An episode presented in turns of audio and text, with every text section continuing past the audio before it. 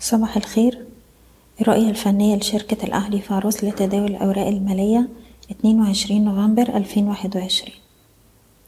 امبارح مؤشر EGX 30 وصل للانخفاض وقفل عند أقل مستوى في الجلسة حداشر ألف ميتين تلاتة وسبعين. كده المؤشر كسر مستوى حماية الأرباح بتاعنا على الأجل القصير اللي عند حداشر ألف تلتمية وستين وبالتالي كده التصحيح بتاعنا مكمل. أقرب مستوى دعم عندنا هنركز عليه عند مية وسبعين ويليه مستوى الحداشر ألف. المستويات دي بتمثل نسب تمانية وتلاتين في المية وخمسين في المية. نسبة تصحيح من الطلعة اللي كانت من ميتين وتمانين لحد الحداشر ألف سبعمية وتلاتين.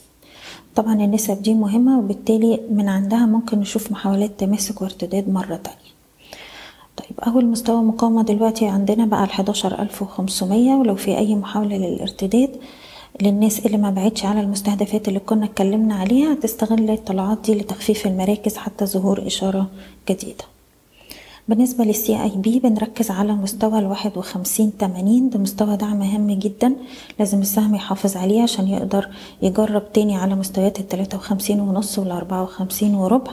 لو حصل كسر للواحد وخمسين تمانين يبقى معنى كده إن السهم هيبدأ في كوريكشن برضو النقط اللي هنركز عليها في بعض الأسهم زي المجموعة المالية هرمس عندها مستوى دعم هام جدا عند الاتناشر جنيه خمسة وخمسين. ده مستوى إحنا بنحتفظ طول ما إحنا فوقيه وبالتالي السهم يقدر يجرب تاني على مستوى التلاتاشر تلاتاشر عشرين.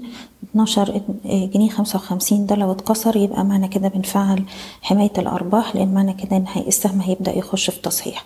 طلعت مصطفى النقطة المهمة عنده ما بين سبعة عشرين سبعة جنيه. دي مستويات دعم هامة ومستويات المقاومة ما بين سبعة خمسة وخمسين وسبعة جنيه وتسعين قرش.